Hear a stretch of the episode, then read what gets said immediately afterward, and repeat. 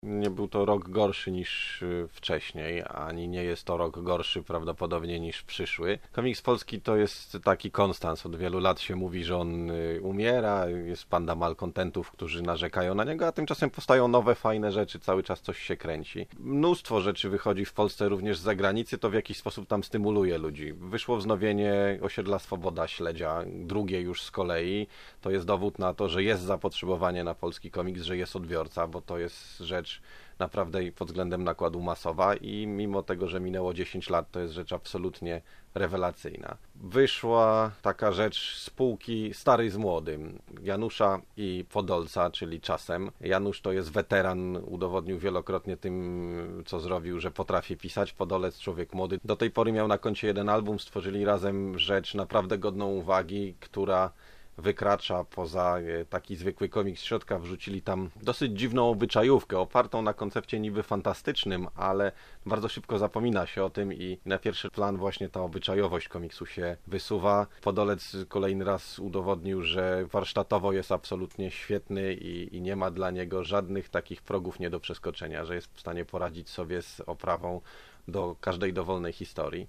Nie jest prawdą, że komiks polski zdycha, bo jest e, cała masa ludzi, którzy próbują coś ze sobą zrobić. Jest Tomek Kleszcz, który ciągnie swój kamień przeznaczenia. E, jest e, Kuba Martewicz, który wystartował z e, miesięczną serią wzorowaną na stare amerykańskie zeszytówki i to się kręci, jakoś się sprzedaje do tego stopnia, że on wystartował drugą. Na grudzień zapowiadana jest kolejna polska seria o polskim superbohaterze, więc możemy mówić o jakimś takim renesansie wręcz nie tylko nostalgii do amerykańskiego komiksu, do amerykańskiego mainstreamu, ale też o renesansie młodych twórców, którzy wchodzą na rynek, chcą coś robić, chcą czegoś dokazać. No właśnie, ten rok to rok z jednej strony nowych komiksów znanych, szanowanych autorów, czyli na przykład Mateusz Skutnik we współudziale z Jerzym Szyłakiem i kolejny tom Rewolucji, powrót e, Benedykta Schneidera i jego Diefenbach, parę różnych albumów e, znanych autorów, tak jak chociażby wspomniane przez Ciebie już czasem, ale z drugiej strony też wysyp inicjatyw młodych, mniej znanych autorów, którzy starają się publikować, sami siebie wydawać, mnóstwo zinów i mnóstwo samodzielnych własnych wydawnictw. Świadczy chyba to o tym, że z jednej strony rynek komiksowy jest jest malutki, hermetyczny, z drugiej strony jest dużo osób, którym się cały czas chce, nieważne czy tworzą te komiksy od 15 lat, czy od pół roku. Jest tego bardzo dużo, to najlepiej było widać na ostatnim festiwalu w Łodzi, kiedy okazało się, że tak naprawdę najwięcej jest właśnie takich samizdatów, że przyjechała cała masa ludzi, którzy wysupłali, no w dzisiejszych czasach to jest nieduża kwota, można w tysiącu złotych zamknąć się z nakładem w zasadzie dowolnego komiksu takim, który rynek jest w stanie przyjąć. I pojawiła się cała masa ludzi, którzy zaczynali zaczynali gdzieś w internecie, w webkomiksie, którzy działali przy różnych projektach typu bitwy komiksowe, te internetowe.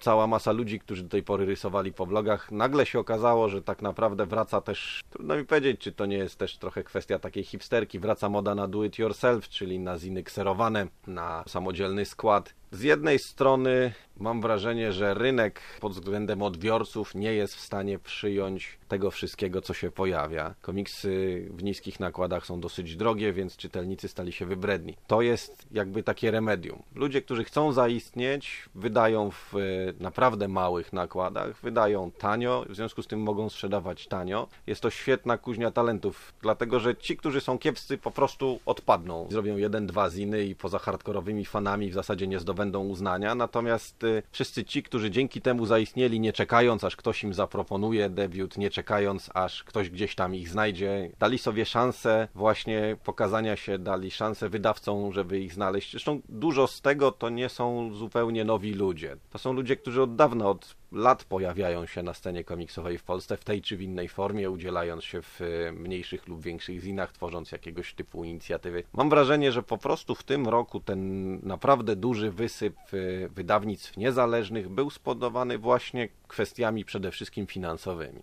I to jest dobra rzecz i dla twórców, którzy mają pełną kontrolę nad tym, jak chcą się wydawać, co chcą robić, co chcą zaprezentować, i dla czytelników, którzy w takiej masie mają ogromną szansę znaleźć rzeczywiście interesującego dla siebie. Co z tego wyjdzie, no to czas pokaże.